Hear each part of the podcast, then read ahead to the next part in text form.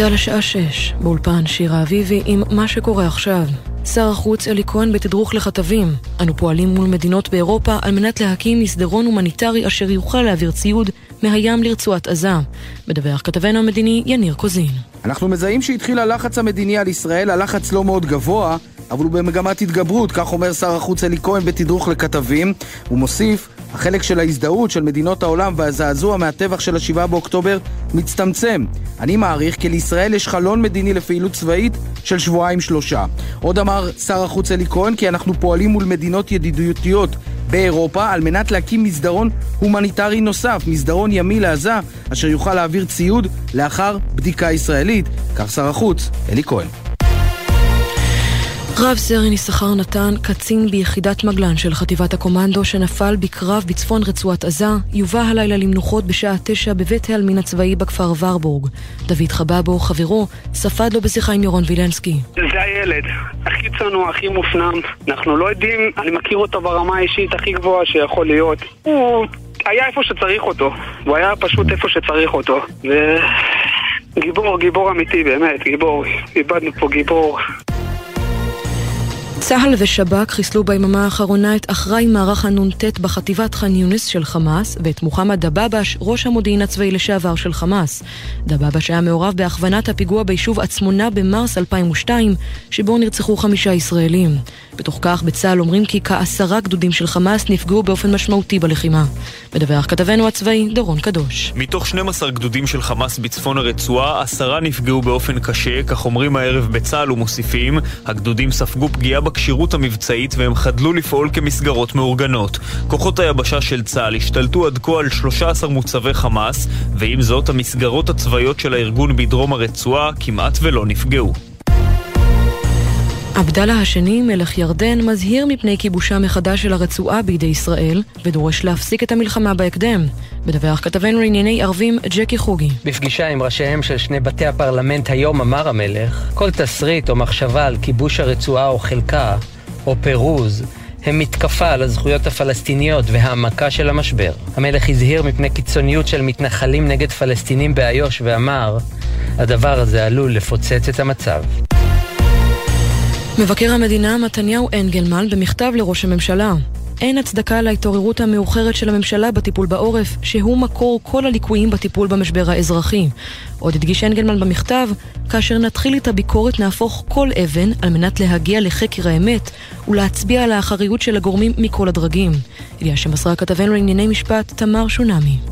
ומזג האוויר במהלך הלילה הגשמים צפויים להתחזק והטמפרטורות תרדנה במידה ניכרת. אלה החדשות שעורכת מאיה שוקן.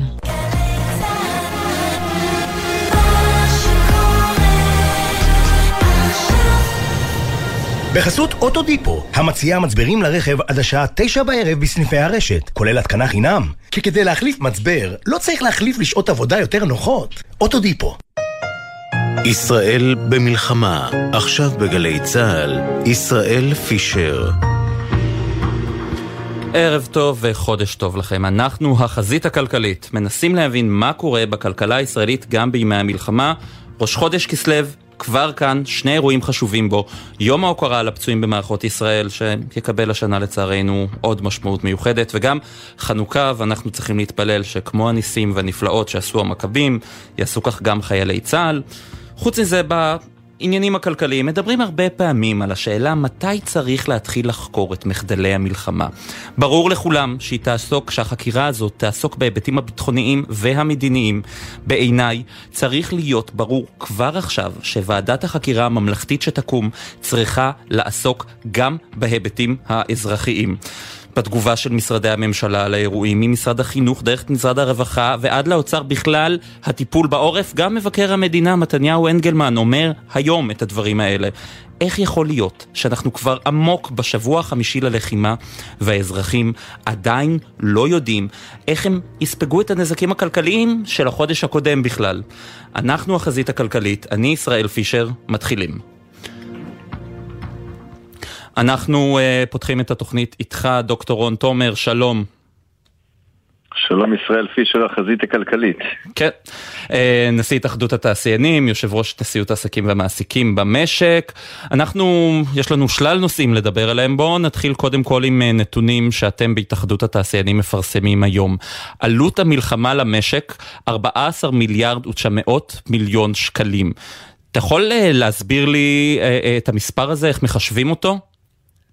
אה, תראה, אנחנו חישבנו, ישראל, כרגע רק את העלות למשק בעצם מהיעדרות והפסד ימי עבודה, מכיוון שהפסד תוצר ודברים אחרים מאוד קשה להעריך עדיין בשלב הזה. אה, ולכן בסופו של יום הנקודה מאוד פשוטה, יש לנו את הנתונים על כמה עובדים נעדרו מהמשק, אני מדבר על המשק כולו, בכל המגזרים, מהשבוע הראשון ועד השבוע החמישי. התחלנו בשבוע הראשון, שצריך להזכירך, כולנו היינו בהלם אה, מוחלט, אה, תחת מתקפה מאוד אקסטנסיבית של, ואינטנסיבית של טילים. עם 1.3 מיליון עובדים נהדרים, ולאט לאט אנשים חזרו אמנם לעבודה, ואנחנו עומדים היום על כ-760 אלף עובדים שחסרים במשק הישראלי, וחישוב של העלויות רק בהפסד של ימי עבודה, שזו אחת השיטות באמת לחשב הפסד למשק, מעלה שבמצטבר בחמישה שבועות האלה, אנחנו עומדים על 14.9, כמעט 15 מיליארד שקלים אה, במצטבר לאותם חמישה שבועות, ולצערנו אנחנו עוד לא רואים את הסוף. ואנחנו גם לא מדברים למשל על פגיעות ישירות במפעלים, או למשל עסקים שמייצאים לחו"ל, ומה לעשות, אה, נתקלו באנשים שלא כל כך אוהבים אותנו והם נפגעו מזה. אנחנו עוד לא מדברים על הדברים האלה בחישוב. לגמרי לא, ואנחנו עוד פעם מדברים כרגע רק על, על נזק מיידי כרגע, כי כמו שאמרת, לגבי יצואנים לחו"ל, יכול להיות שהמלחמה תיגמר בעוד שבועיים או בעוד חודשיים, יכול להיות שבחלק מהמקומות לקוחות שלנו לא יחזרו, ואז הנזק הוא הרבה יותר ארוך טווח. אה, לא, קשה, קשה מאוד לחשב את זה כרגע, זה דברים שלאורך הזמן יהיה יותר קל לפי הפרמטרים ש, שיזרמו לבוא ולחשב. זה לא דברים שניתן באונליין. כשאתה מסתכל על התגובה, גם התייחסתי לזה קצת בפתיח של התוכנית, כשאתה מסתכל על התגובה של הממשלה, של משרדי הממשלה, איזה ציון אתה נותן להם? לא משהו, אני, אתה יודע, קשה לתת מספר, אבל לא משהו, למרות שאני אומר, היא, גם הממשלה עצמה היא לא בעצם אחודה בתגובות שלה.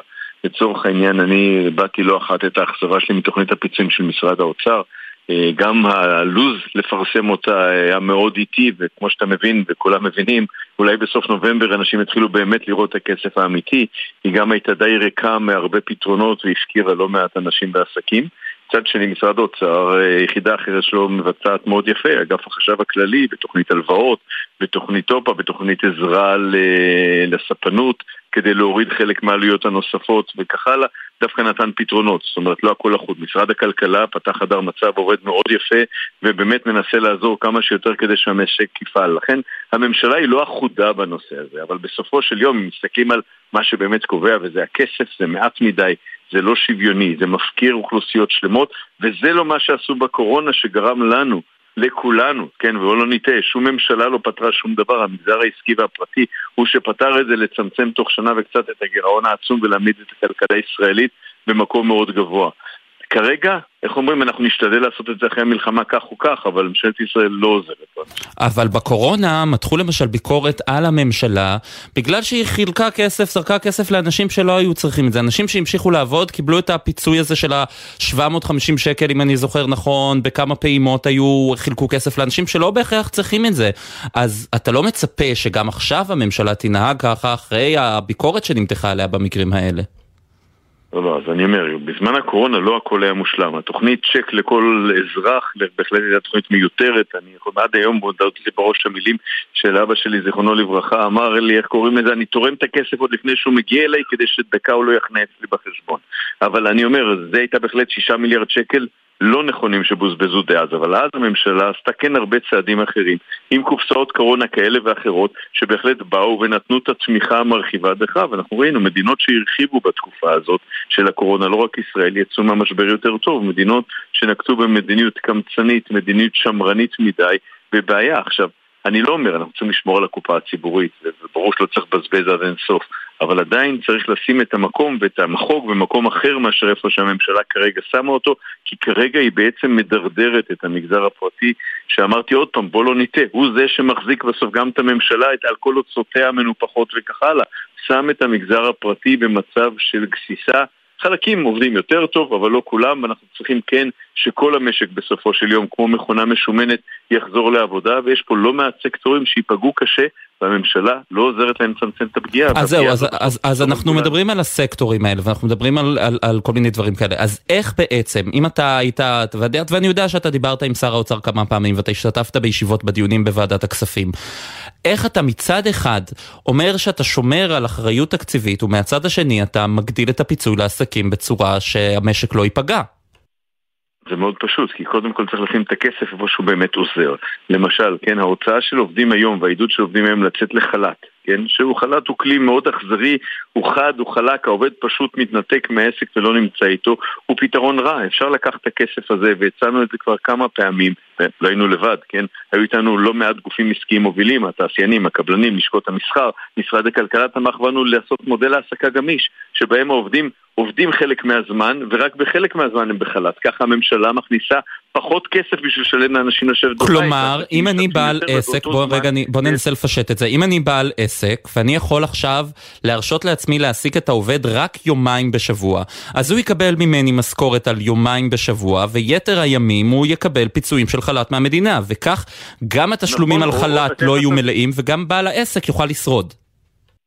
והעסק גם מייצר איזשהו תוצר שגם נותן עוד רווחים אחרים, תשלומי מע"מ ותשלומים אחרים למדינה.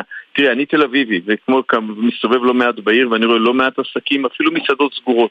דיברתי עם חלק מהבעלים שם ואמרו, תראו, אין לנו ברירה, אני לא יכול לפתוח ב-30% כי ברגע שאני צריך את העובדים חזרה, אין לי משרה מלאה לתת להם. וזה בדיוק הפתרון, אם המסעדות היו עובדות ב-30 ו-40 אחוז, וחלק מהמסחר היה עובד קצת יותר ושולים קצת יותר עובדים, ועוד ועוד דברים, בוודאי שהיינו מרוויחים. אז זה דוגמה לכסף חכם לעומת כסף טיפש ששולח אנשים לחל"ת. בנוסף, יש לא מעט עסקים אחרים בקשיים שצריך לבוא ולעזור להם. יש עצמאים בקשיים, שבסופו של יום, ברגע שהם יסגרו את העסק שלהם ויהפכו להיות אחרי זה נתמכי אבטלה, או, או בעבודה שהיא מתגמלת פחות כי הם לא יוכלו לשרוד את התקופה הזאת עוד פעם בזה, כולנו נפסיד, כי בסוף זה לא מה אנחנו משלמים בחודש, אלא מה אנחנו יוצרים כתשתית בחודשים קדימה. ולכן אני חושב שהמדיניות הזו היא מדיניות לא נכונה. המדיניות הזו הייתה צריכה לעשות את הכל כדי להחזיק עסקים חיים ועובדים במקומות העבודה שלהם, והכיוון שהלכו פה הוא כיוון שגוי לצערי.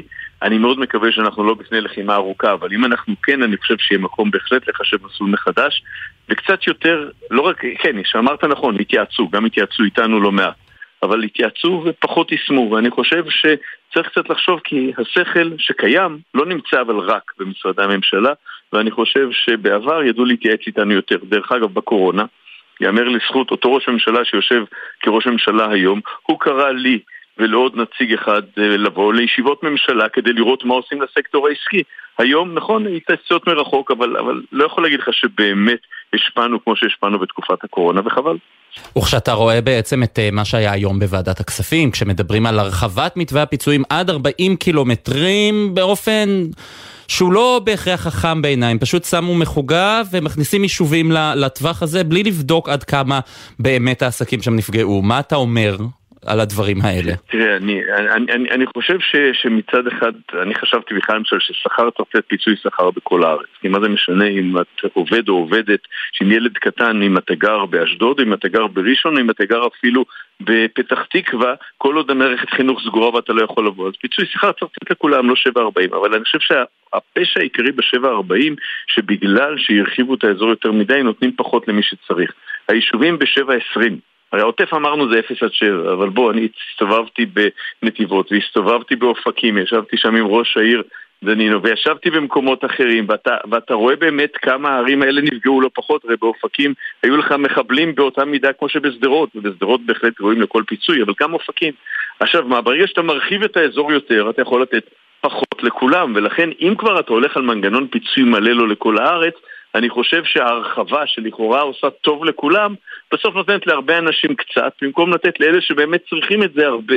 ולאלה שישבו גם בפרמטר של 20 קילומטר, אתן לך דוגמה, אופקים שדרך אגב נקראת 20 למרות שהיא ב-22 אבל היא נכללת במתווה ה-20, או נתיבות, או הרבה יישובים אחרים, מושבים וקיבוצים יותר קטנים שנמצאים שם, הם צריכים לקבל הרבה יותר, וברגע שהרחיבו את זה, צמצמו בדברים האלה, ודרך אגב, הדבר שהכי מפריע לי זה שבעצם צמצמו את זה ל-7 עד 40 רק לחודש אוקטובר.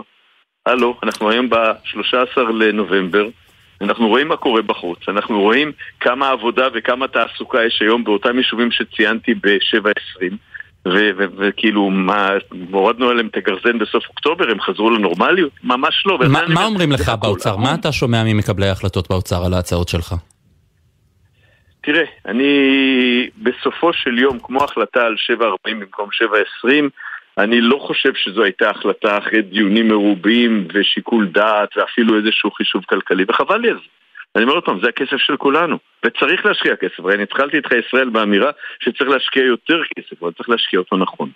ואני באמת חושב שבמקרה הזה אנחנו כן. לא עושים את זה נכון, לא עושים את זה סדור. עסק לא, יכול, עסק לא יכול לשרוד בניהול כזה של שליפות ודברים, וחבל לי, כי בסוף אני חושב שכולם מתכוונים לטוב, אני לא חושב שמישהו מנסה חלילה לפגוע במדינת ישראל או בתושבי ישראל.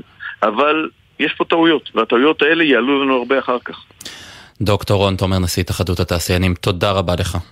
אבל לפני התודה אני חייב משפט כן. אחרון להגיד. בתקופה הזו שכולנו מרגישים וכולנו נפגעים וכולנו זה, זה בדיוק המקום כמו תמיד, אבל יותר עכשיו לקרוא לכולם לרכוש תוצרת ישראלית, בין אם זה בחקלאות או בתעשייה או בשירותים ישראלים או מעסקים של עצמאים ישראלים, לקנות כחול לבן, המוצרים הישראלים שאנחנו גאים בהם גם מניעים את גלגלי הכלכלה ויעשו את המדינה שלנו חסינה יותר גם עכשיו וגם בעתיד. אז קנו כחול לבן, תרכשו כחול לבן, תחזקו את שלנו, שלנו הוא של כולנו. בהחלט, בטח אם זה מעסקים אה, אה, קטנים או עסקים שנמצאים באזורים שנפגעו הכי הרבה. דוקטור נכון, אבל לך, גם עסקים גדולים הם מעסיקים של הרבה קטנים בינוניים, גם כשקנית מעסק ענק, בסופו של יום מאחוריו יש צבא שלם במרכאות של עסקים קטנים שנהנים מזה. אז אני חושב שצריך לקנות מכולם. דוקטור רון תומר, תודה רבה. תודה ישראל. ואנחנו עוברים uh, לתעשיית ההייטק, מה קורה איתה בימים האלה? אבי חסון, מנכ"ל Start-Up Nation, שלום. שלום ישראל, ערב טוב. ערב טוב, אז נו, מה המצב? תראה, תעשיית ההייטק היא במובנים מסוימים זהה לכל שאר הענפים שרון דיבר עליהם. כלומר, למשל, גם פה כמובן אחוז לא מבוטל מכוח האדם נמצא בשירות מילואים פעיל, וגם יש בני זוג שנמצאים בשירות, וזה כמובן משפיע על התפוקה. יש לה גם מאפיינים ייחודיים ששונים אולי מענפים אחרים, גם לטובה וגם לרעה. אם נתייחס לדוגמה לאלמנט אחד חיובי, רוב צד הביקוש של תעשיית ההייטק לא נמצא בישראל. כלומר, בניגוד לענף התיירות למשל, שבו צד הביקוש נפגע מאוד, הלקוחות הגלובליים רוצים להמשיך לצרוך טכנולוגיה ישראלית, שירותים, מוצרים וכן הלאה. מה שצריך לדאוג זה שתהיה את היכולת לדלבר להם, מה שנקרא, לספק להם את השירותים האלה. וכאן גם לא נעים להגיד, הם קצת מרוויחים, כי השקל נחלש, אז הם מקבלים יותר כסף. אין ספק שגם נושא שער הדולר, שאפשר לדון ארוכות אם הוא טוב למדינה או לא, ליצואנים בכלל ולהייטק בפרט הוא טוב. כי גם הכסף שחברות ההייטק מגייסות הוא בדרך כלל בדולרים, וגם ההכנסות מהלקוחות הם בדולרים. כשרוב ההצעות הן שקליות, זה עוזר בעצם להאריך את החיים. אבל uh, לזה יש כמובן גם uh, אלמנטים אחרים. ההייטק מתמודד בתחרות גלובלית, יש גם למשקיע הזר, גם לחברה הרב-לאומית וגם ללקוח אופציות ואלטרנטיבות.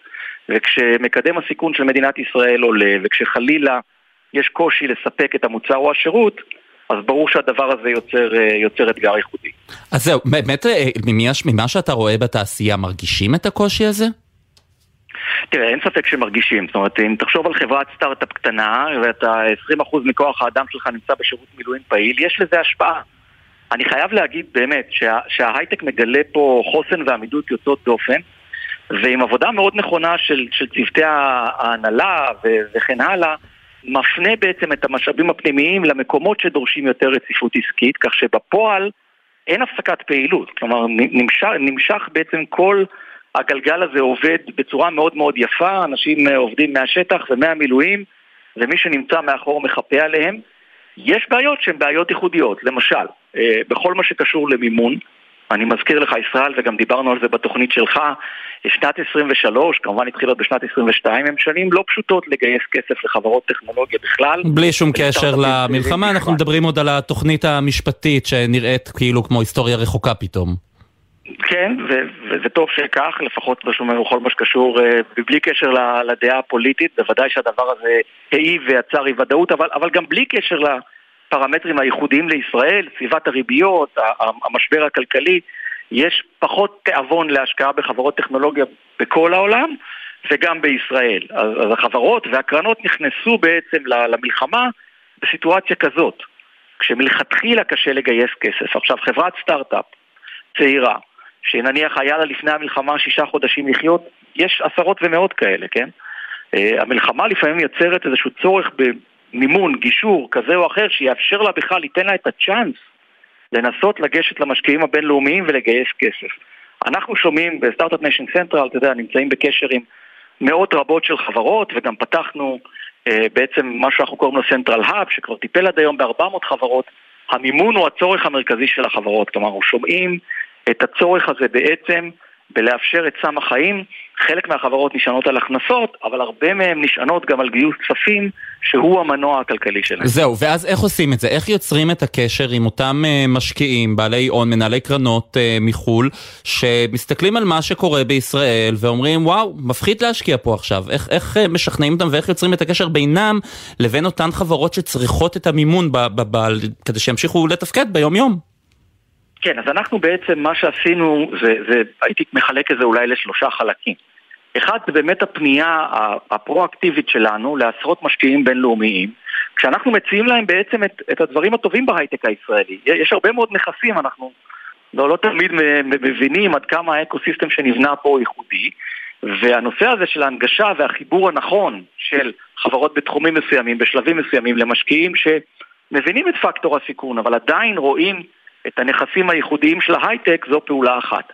פעולה שנייה שצריך להגדיר זה קמו אה, לא מעט אה, קרנות חירום, יוזמות ספציפיות של אנשים שבאמת ובתמים לא עושים את זה למטרות כלכליות, אלא מנסים לבנות ויקל אה, ומכשירים פיננסיים שיאפשרו למשקיעים עסקיים ופילנטרופיים שרוצים לתמוך בסטארט-אפים בעת הזאת להשקיע בהייטק הישראלי. אנחנו בעצם מעורבים ועוזרים גם לגייס כסף לקרנות האלה אבל גם, שוב, לחבר את הקרן הנכונה לחברה הנכונה.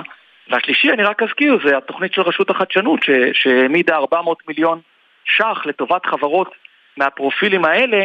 עדיין צריך מימון משלים לכסף הזה, אבל זה בהחלט עוזר להביא את הכסף הפרטי בצורה יותר חלקה. זהו, אנחנו דיברנו בהתחלה, בתחילת השיחה עם רון, אני לא חושב ששמעת, דיברנו על אה, בעיות בחלק, מהתפקוד של חלק ממשרדי הממשלה, או הרשויות הממשלתיות. כשאתה מסתכל על רשות החדשנות ועל משרד המדע, אתה חושב ששם הם יתעוררו בזמן כדי להבין אה, את המצוקה שצריך לטפל בה בכל מה שקשור לחברות הטכנולוגיה?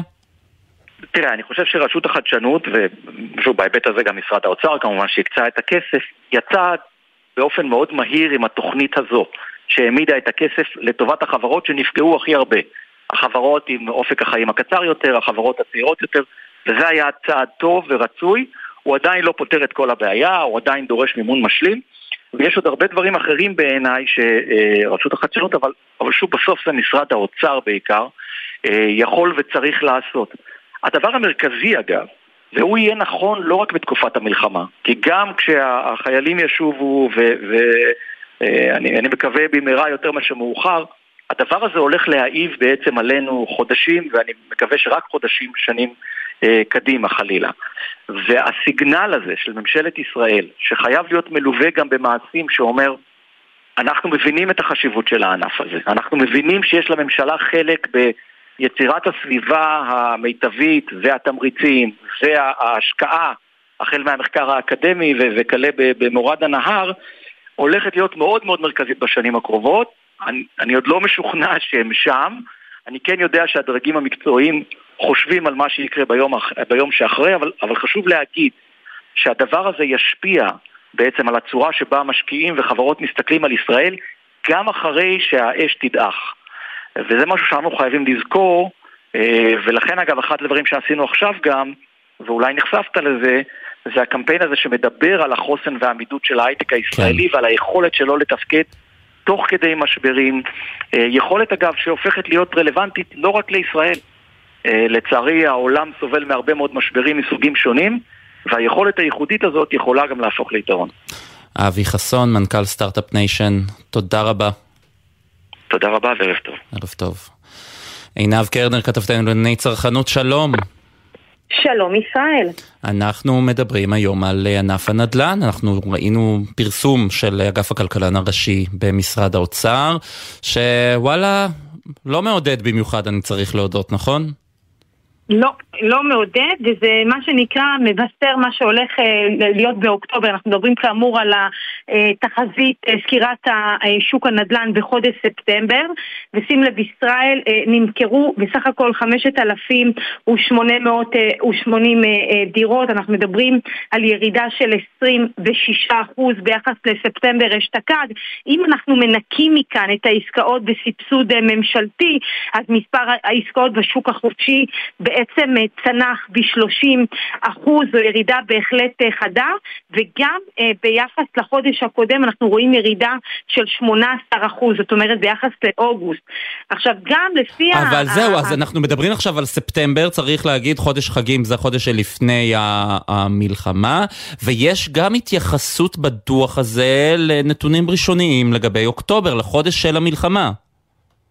נכון מאוד, אז מדברים גם על חודש אוקטובר, שלפי אה, הערכות שבחודש אוקטובר רמת העסקאות, העסקאות צפויה להיות נמוכה אפילו מזו שנרשמה ב-2020, באפריל 2020, אני מזכירה שזו הייתה תקופת הקורונה שממש התחילה הקורונה כחודש לאחר וראינו באמת את ההשבתה בענף הנדל"ן.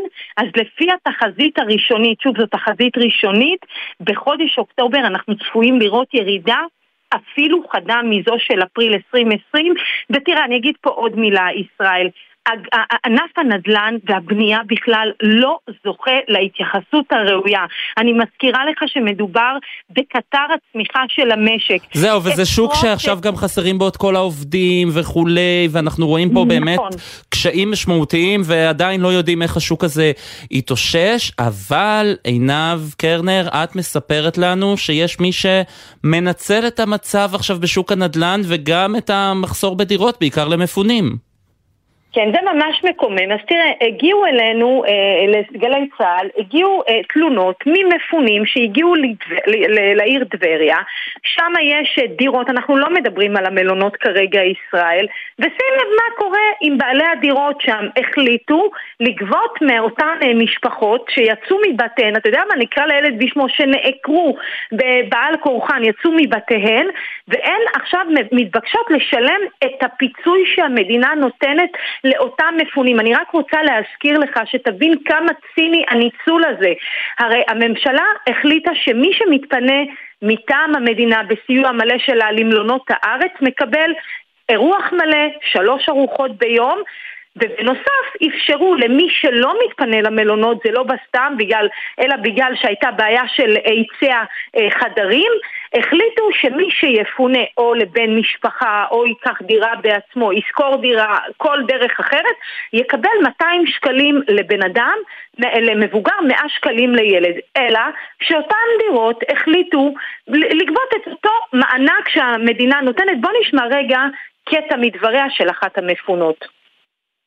כן, בואו נשמע. יש לנו? לפי ההרכב שלנו, כל מי שאני פונה אליו, אומר לי, אה, אנחנו לפי המתווה, 200 שקל ליום. סליחה, אוקיי, ומה קורה עם הכלכלה? כלכלה זה אחר, אתם אמורים לקבל מהמדינה גם סבסוד של כלכלה. אני לא שמעתי שום דבר כזה על כלכלה, שזה 200 ליום ו-100 שקל לילד, זה כאילו כולל הכלכלה, לא רק לינה. זה מטורף! מה, אתם רוצים לקחת לנו את כל הכסף שאנחנו מקבלים מהמדינה? איפה נכנס האובדן הכנסה שלנו? בעל הבית שלי מתחשב בי שאני עכשיו נזרקתי לרחוב כמו פליטה והמדינה שלי אפילו לא נותנת לי חוסן?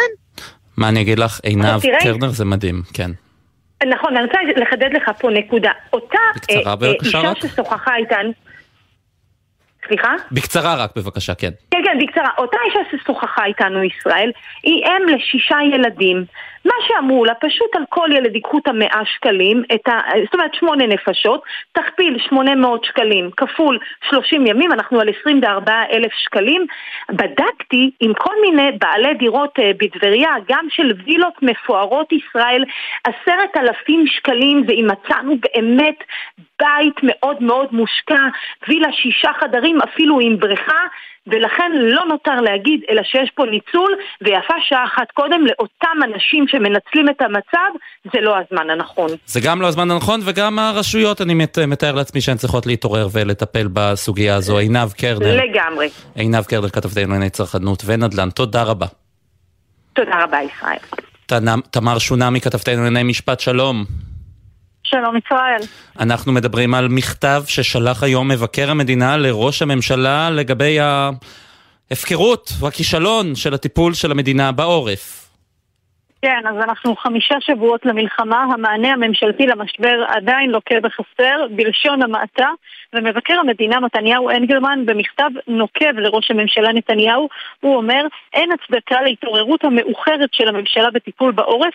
בעצם באותו מכתב לראש הממשלה, המבקר אנגלמן מפרט שורה ארוכה של ליקויים, החל מהיעדר תוכניות סיוע כלכלי לתושבי קו העימות, התקצוב לרשויות המקומיות ולמשרדי הממשלה האזרחיים, סוגיית המקומים בבתי המלון, בריאות הנפש, מערכי הביטחון האזרחי, בעצם כל אלו ולצידם עוד שורה ארוכה של ליקויים, והמבקר טוען שהמקור לכל הבעיות הללו הוא היעדר היערכות לשעת חירום, ועוד הוא מדגיש, ספק רמיזה, ספק אזהרה, כאשר נתחיל את הביקורת נהפוך כל אבן על מנת להגיע לחקר האמת ולהצביע על האחריות של הגורמים מכל הדרגים, מדיני, צבאי ואזרחי.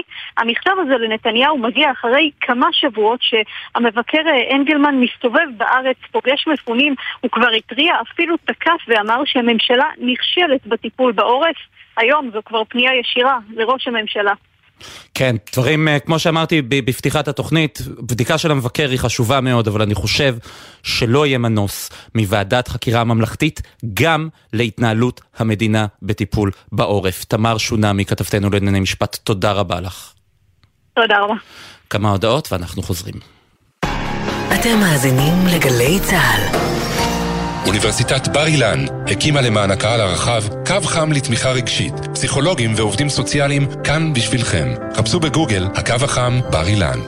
במטרה לחזק את הביטחון האישי של האזרחים, המשרד לביטחון לאומי ומשטרת ישראל ממשיכים להקים ברחבי הארץ מאות כיתות כוננות משטרתיות, מצוידות באלפי כלי נשק. בואו להתנדב למשטרה ולשמור על הבית של כולנו. להצטרפות לכיתת הכוננות במקום מגוריכם, פנו לאתר גיוס המתנדבים של משטרת ישראל, או חייגו 076-811-5211. ישראל מתחמשת, שומרים על הבית. את הליך הגיוס מנהלת משטרת ישראל בהתאם לתנאי הסף שנקבעו. מגיש, המשרד לביטחון לאומי. עמיתי קרנות השוטרים, אנו מציעים לכם הנחות לרכישת רכבי פג'ו, אופל, סיטרואן ו-MG דגמי 2023, לפרטים כוכבית 4989, או באתר קרנות השוטרים, שנדע ימים טובים ויחד ננצח. קרנות השוטרים קודם כל בשבילך בימים כאלה אין דבר יותר מרגיע מקולה של אימא. גלי צה"ל מחבקת את האימהות במתכונת מיוחדת של קולה של אימא. כמו אהבה של אימא. מחר, בשבע בערב, בשידור מיוחד מירושלים, עם האימהות לחיילים המפונות מביתן בשלומי. גלי צה"ל פה איתכם, כל מקום, כל הזמן. עכשיו בגלי צה"ל, ישראל פישר עם החזית הכלכלית. חזרנו, אנחנו אה, עכשיו על אה, סקירה שפרסם היום משרד הכלכלה על המשק הישראלי והמגזר העסקי בזמן המלחמה. הסקירה הזו מפורטת יחסית והיא מתחלקת לארבעה נושאים, מזון ומוצרים חיוניים, תעסוקה, מסחר ועסקים ותעשייה, וכדי לעבור קצת על הסקירה הזו אנחנו רוצים להגיד שלום לך, אמנון מרחב, מנכ"ל משרד הכלכלה. שלום לך ולמאזינים.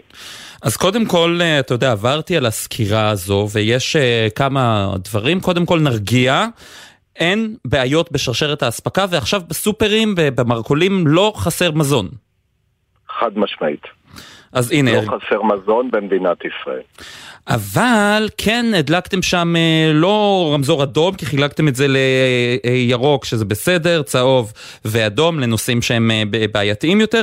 אז למשל, אתם ציינתם שם שאומנם מלאי המזון ברשתות תקין, אבל מלאי החירום האסטרטגי דרושה התאמה לתרחיש הייחוס העדכני. מה זה אומר? אני אנסה להסביר, יש דברים שבגלל הפורום אה, הזה אני לא יכול להרחיב בהם, בגלל אה, סודיות מתבקשת. למדינת ישראל גם יש מלאי חירום אסטרטגיים של מזון. אה, המלאים האלה מנוהלים על ידי משרד הכלכלה, והמטרה שלהם היא להבטיח שבכל מקרה, גם במקרה ששום דבר לא מיובא או מיוצר, נוכל להמשיך ולספק מזון לאזרחי ישראל. היה בשבועיים האחרונים עדכון שמערכת הביטחון העבירה אלינו, וכתוצאה מהעדכון הזה אה, אנחנו נדרשים להגדיל את מלאי המזון הללו. ולכן אה, האור האדום שהדלקנו, כי נדרשת שם אה, פעולה שלוקחת כמה שבועות אתם לבצע. כתבתם שאין תקצוב ממשרד האוצר לנושא הזה. נכון מאוד. שזה אומר שאת הכסף הדרוש למלא את המחסנים אתם לא מקבלים? כלומר, אני מתאר לעצמי שהמחסנים במצב בסדר, אבל כדי שהם יהיו ממש בסדר, בסדר גמור, אתם צריכים עוד כסף ואת זה אתם לא מקבלים. נכון מאוד, הבוקר אמר לי מנכ"ל האוצר בעקבות פנייה שלי אה, אליו שהנושא יטופל והכסף יועבר ממש בימים אלה, דבר שיאפשר לנו להשלים את החוסרים. אני מקווה שכך יהיה. אז אה, אה, אנחנו מסתכלים, אני עובר ברשותך על הנושא הבא, על כל מה שקשור לתעסוקה. אה, אני יודע, זרוע העבודה כבר לא חלק ממשרד הכלכלה בממשלה הנוכחית, אבל עדיין אתם מזהירים ממחסור בעובדים תפעוליים ומזה שעובדים פלסטינאים לא נכנסים לישראל. מה ההשפעה של זה על המשק כיום? הלו? כן, אתה שמעת אותי? הלו. כן, אמנון. עכשיו אני שומע אותך. כן, אז... תראה, אני כן. חושב שנושא התעס... מצב התעסוקה במשק זה אחד הדברים שהכי צריכים להדאיג אותנו קברניטי הכלכלה בזמן הזה. אמ, תראה, אצלנו מופעל מטה אה, תעסוקה משקי שמרכז את תמונת המצב במשק. כרגע המצב הוא, הוא לא טוב. קודם כל, כ-20% מכוח העבודה במשק מושבת, בין באופן ישיר, כי אנשים במילואים או כי הם מפונים. אנחנו מדברים על עכשיו, על היום 20% מכוח העבודה מושבת.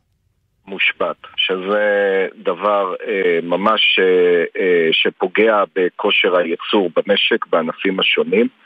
תוסיף על זה ש-50% מהעובדים הזרים והפלסטינאים במשק לא מגיעים לעבודה אה, מסיבות כאלה ואחרות.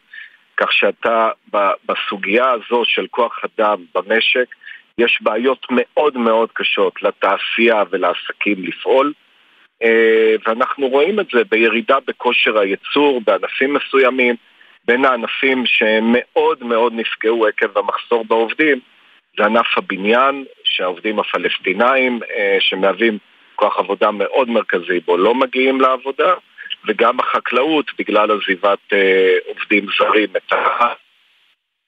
לאוקטובר. אבל היבט יותר, ישראל, ברשותך, כן. היבט יותר מדאיג זה כמות דורשי העבודה במשק.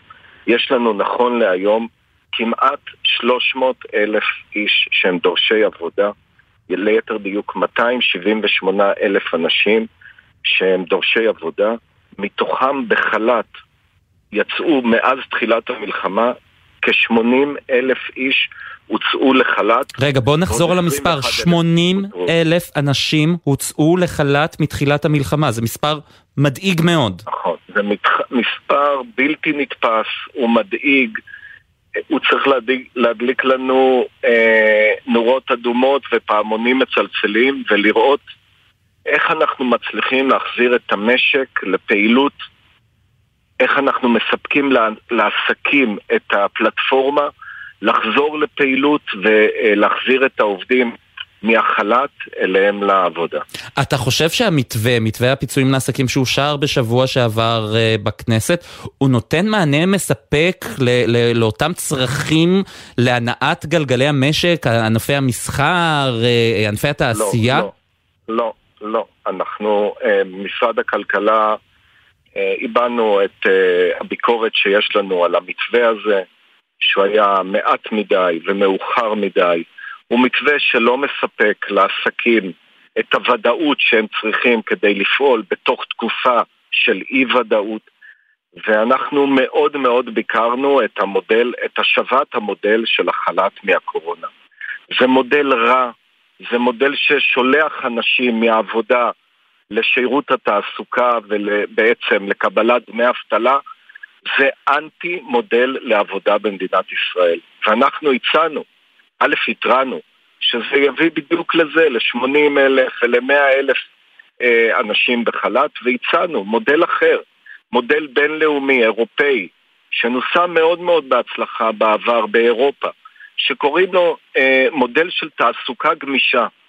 שבמסגרתו המעסיק ממשיך להעסיק את העובד.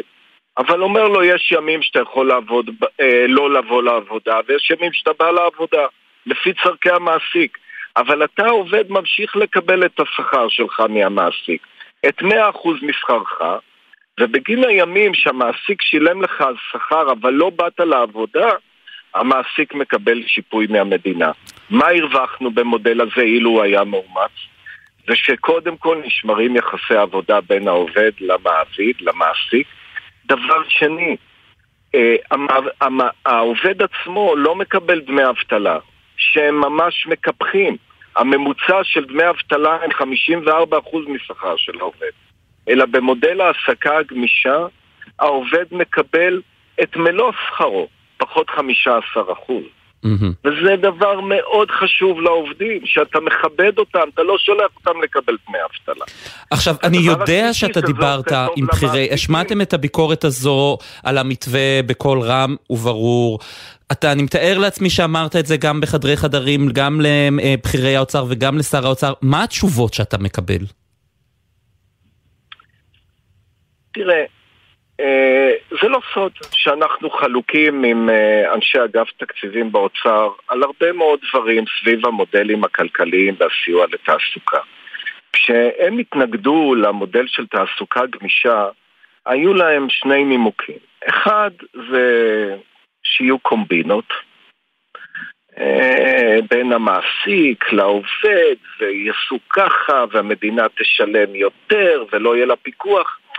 אבל אני לא מקבל את התזות האלה. אני אומר שגם אם יש שלושה או חמישה אחוזים שלא מדווחים אמת, אתה לא קובע על בסיס מדיניות. אתה צריך לקבוע מדיניות על בסיס, א', על מה שנכון מקצועית, ועל בסיס ה-95% שמדווחים אמת. דבר שני, הם טענו שזה יעלה למדינה יותר כסף, גם את זה אנחנו לא מקבלים. אנחנו חושבים שדווקא מודל החל"תים יעלה בסוף למדינה הרבה הרבה יותר כסף. הוא גם מודל פגום, כפי שהזכרתי קודם. כן, אה, אמנון מרחב, מנכ"ל משרד הכלכלה, תודה רבה לך על הדברים האלה. תודה לך ושיהיו בשורות טובות. בשורות טובות. עוברים בין uh, משרדי ממשלה היום עכשיו למשרד האנרגיה, לאו דווקא קשור למלחמה, אני מזהיר, יהיה פה קצת משהו שקשור למלחמה, אבל זה לא רק מלחמה. דורית הוכנר, מנהלת אגף uh, בכיר לתכנון פיזי במשרד האנרגיה והתשתיות, שלום. ערב טוב. ערב טוב. קודם כל, אם אנחנו כבר הזכרנו את המלחמה, מה, מה עושה, מה קורה במשרד האנרגיה בחמשת השבועות האחרונים? אה, משרד האנרגיה פועל רבות בנושאים האלה. ראשית, אנחנו עושים מערכות מצב יומיות על מנת להבין איפה, אם יש בעיות באספקת החשמל, האם כל תחנות הכוח שלנו אה, יש להם גיבוי, אנחנו בודקים האם יש לנו מלאים מספיקים כדי לתת מענה בשעת חירום לאספקת חשמל. המנכ"ל והשר מקדמים ישיבות שבו הם בודקים עם כל החברות הממשלתיות והרשויות ביחס למצב הקיים, מה ניתן לעשות, מה ניתן לקדם, האם הכל תקין, האם יש הפסקות חשמל, הפסקות מים וכדומה, וכן הלאה וכן הלאה במישור הכללי. במישור הפרטני אפשר לדבר על הרבה מאוד דברים נוספים שאנחנו מקדמים, כמו אספקת אה, גנרטורים אה, למרכזי החוסן, לחמ"לים של הרשויות המקומיות בעוטף. אה, את זה לא ידעתי למשל, זה מעניין, האמת היא. הנה, חידשת לי. ואני מישהו שחושב שאני מבין, אה, שאני אוהב אנרגיה, את יודעת, את מכירה אותי דורית, אני מתחביבה איזה נכון. תחום האנרגיה, אבל אנחנו מדברים היום על תוכנית שאושרה, תוכנית מתאר ארצית לאגירת אנרגיה, שאתם הובלתם, את הובלת, אני יודע, כבר הרבה מאוד זמן את עובדת על התוכנית הזו. וואו, וואו, לא להגזים, לא להגזים. יש כן. לך עוד צוות, נכון? כן. אה, נו, עד שמתראיינים ברדיו ומקבלים מחמאות מהמראיין, תקחי את זה בשתי ידיים. אה, תודה רבה. כן, אז אה, תספרי לנו קצת מה זה אומר, מה התוכנית הזו, ורק נגיד אגירת אנרגיה בעצם. חשמל שמיוצר מהשמש נאגר בסוללות כדי שניתן יהיה לספק חשמל ירוק לרשת גם בשעות הלילה או בימים מעוננים כמו שהיה היום. זה בגדול. נכון מאוד, זה בגדול. מדובר על תוכנית מתאר ארצית ראשונה מסוגה בארץ, זאת אומרת יש לנו פה תהליך משהו משמעותי וחשוב. בעצם תוכנית להגירה היא נקראת תמ"א 1 עד 19 למי שמדקדק ורוצה לדעת מספרים. מדובר על תוכנית שבעצם מסדירה תכנונית אפשרות להקים מתקני אגירת אנרגיה, החל ממתקנים זעירים שייתנו מענה לבתים הפרטיים, המשך עם מתקנים קטנים שיכולים לתת מענה למשקים, למפעלים, לאזורי תעשייה לא גדולים, המשך עם מתקנים בינוניים שניתן אה, לתת מענה למשל לקיבוץ או לשכונה יותר גדולה, אה, מתקנים גדולים ומתקנים הרבה יותר גדולים שממש יכולים לתת מענה כגיבוי לרשת החשמל. אה, כל התוכנית הזאת בעצם קובעת איך מקימים את כל אחד מהגדלים של המתקנים האלה. אם זה במסגרת של היתר בנייה או בהמשך פטור מהיתר בנייה או במסגרת של תוכנית. עכשיו, התוכנית הזאת אושרה, ותוך כדי כך גם אנחנו קידמנו אפשרות לקדם מתקני הגירה גם לטובת שעת חירום.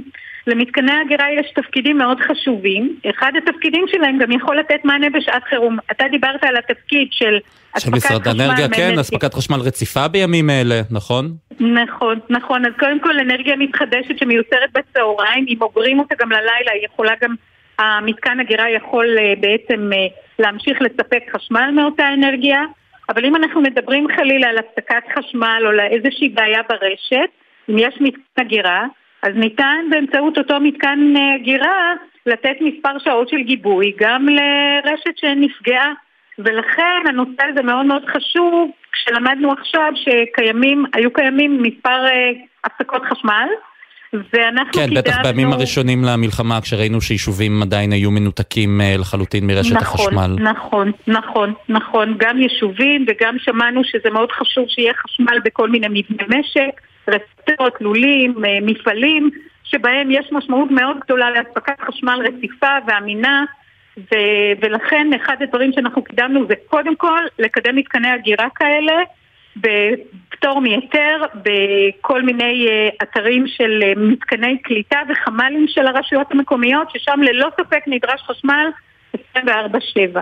אז זה היה דבר אחד שקידמנו וגם קידמנו אפשרות שקשורה במצב החירום, לאו דווקא בהגירה אלא גם בייצור חשמל סולארי אנחנו קידמנו ביחד עם מינהל התכנון אפשרות להקים מתקנים סולאריים על גדרות שבעצם יהיו גדרות היקפיות שישמרו בעצם על רק, חלק אז מהיישובים. רק שאלה לסיום, מתי בעצם אנחנו נתחיל לראות עוד ועוד ועוד מתקני הגירה כאלה שצצים וניתן יהיה להשתמש בהם, גם פרטיים למשל וגם אה, גדולים יותר? אז uh, באופן כללי ממחר בבוקר אפשר לקדם מתקני הגירה בהיתרי בנייה, בעיקר הזעירים, הקטנים, הבינוניים והגדולים. אבל כבר ביום חמישי הקרוב, מינהל התכנון, אני ממש רוצה לפרגן להם, מקדמים פטור מהיתר למתקנים זעירים. זאת אומרת, בעוד שבוע-שבועיים אפשר יהיה להקים מתקנים זעירים, שזה מתקנים לבתים כבר בפטור מהיתר. אנחנו מקווים שבחודשים הקרובים יקודמו הרבה מאוד מתקני הגירה ואנחנו גם מתכננים עוד הרבה מאוד הקלות בתחום הזה. אה, הקלות נוספות של רישוי מהיר, של אה, פטור מהיתר לחלק מהמתקנים. הדברים האלה ממש אה, יכולים להביא בשורה גם לקדם אנרגיה מתחדשת שתייצר חשמל ולאו דווקא גנרטורים וגם, או להחליף את הגנרטורים מספר שעות וגם אה, להגדיל את מספר השעות שבהם אנחנו מייצרים חשמל נקי. דורית הוכנר, מנהלת אגף בכיר לתכנון פיזי במשרד האנרגיה והתשתיות, תודה רבה לך. ערב טוב, ערב שקט, להתראות. ערב שקט. וסקר שערכה אה, רשות ההסתדרות לצרכנות היום, 70% מהישראלים יסכימו לשלם יותר עבור תוצרת הארץ. דיברנו מקודם על הצורך לקנות כחול לבן, עורך הדין ירון לוינסון, מנכ"ל רשות ההסתדרות לצרכנות, שלום. שלום וערב טוב. אז אה, ספר לי עוד מה מצאתם אה, בסקר הזה. הסקר שנועד לבדוק את ההשפעות של המצב החירום על, ה...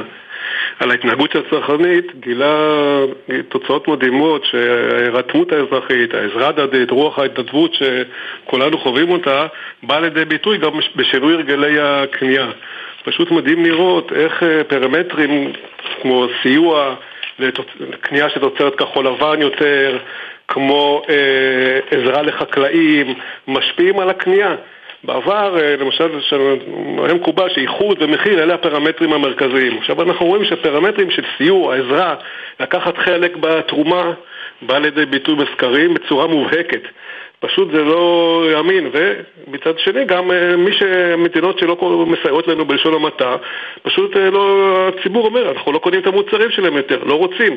אנחנו מעדיפים כחול לבן גם אם זה יעלה לנו יותר. מוכנים להוסיף 10, 20, 30 אחוז על המחיר, רק כדי שתצטרך תוצרת כחול לבן. אבל ו- השאלה היא אם הם יבדקו את מקום הזה באופן יזום, את אה, ארץ הייצור, או שרק בהחלט. אם זה מופיע להם מול הפנים תוצרת כחול לבן. בהחלט, לפי הסקר גם בדקנו את זה, והצרכנים שבעבר לא התייחסו לארץ הייצור, לא היה, הייתה פרמטר בשיקול שלהם האם לקנות או לא, היום יותר ויותר אנשים אומרים שיבדקו, ומי שבדק יבדק יותר, קרוב ל-50% אומרים שהם יבדקו, או לפחות לדעת מאיפה הם קונים את זה. גם באתרים בינלאומיים משם הם קונים, וגם בקניות עצמם, ברשתות השיווק, יסתכלו על המוצרים ויהפכו, וידעו מאיפה הם אה, קונים. דברים שפשוט אה, לא, לא היו בעבר.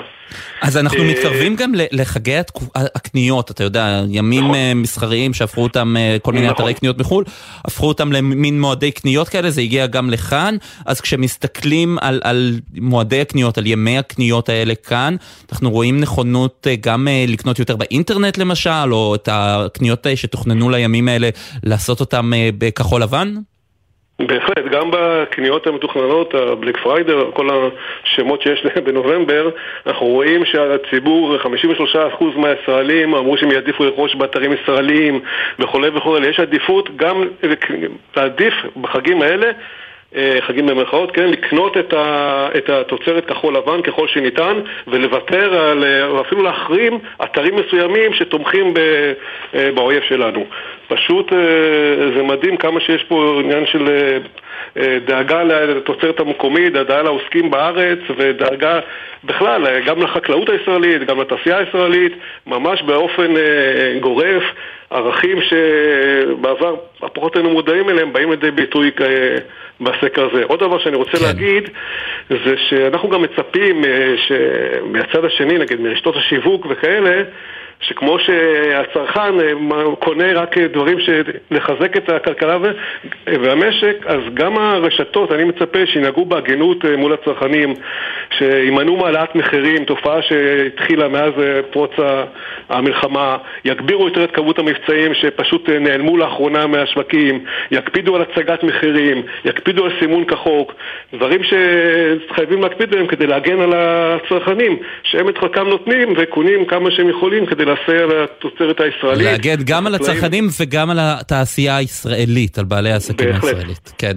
עורך נכון. הדין ירון לוינסון. רק, רק נקודה לסיום, כן. שאנחנו מפעילים בהסתדרות גם קו חירום שכוכבית 2383, שכל צרכן או מאזין שרוצה ייעוץ, גם בעבודה, גם בצרכנות, גם בסיוע נפשי וכולי, יכול להתקשר ולהסתייע גם אם הוא לא חבר הסתדרות.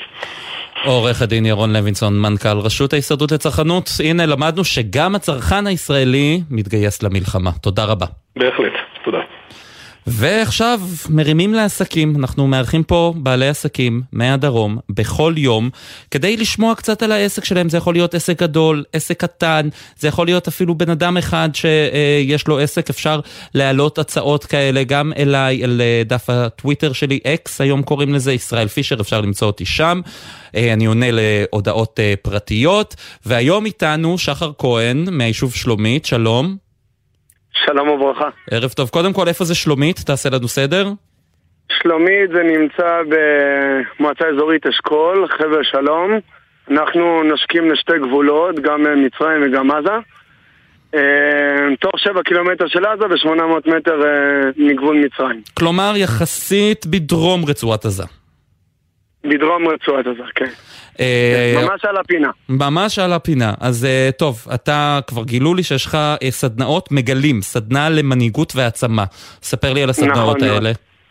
כן, אני שבע שנים בתחום. בעצם אני עושה סדנאות ניווט אצל הלקוח. זה בעצם היתרון המשמעותי. אני מגיע לכל בית ספר, לכל יישוב באשר הוא. במקום, אתה יודע, שחוסך להם את הזמן היקר, את עלות הנסיעה ואת הזמן, ואני עושה להם את חוויית הניווט אצלם בשכונה. רגע, ניווט עם מפות? מה, לאיזה ילדים זה? לאיזה גילאים כן. זה מתאים? זה מתאים גם לבתי ספר יסודיים כניווט קהילתי ביחד עם ההורים. אה, וגם אם זה נוער, אז אה, מכיתות ז', ח', ט' ומעלה, גם אפשר גם ניווט לילי. אני עושה גם אה, מסע, אימהות ובנות. בעצם כל קבוצה מתחלקים לקבוצות קטנות של אה, חמישיות, שישיות. כל קבוצה מקבלת ערכה של ניווט, שזה מפה וחוברת מידע.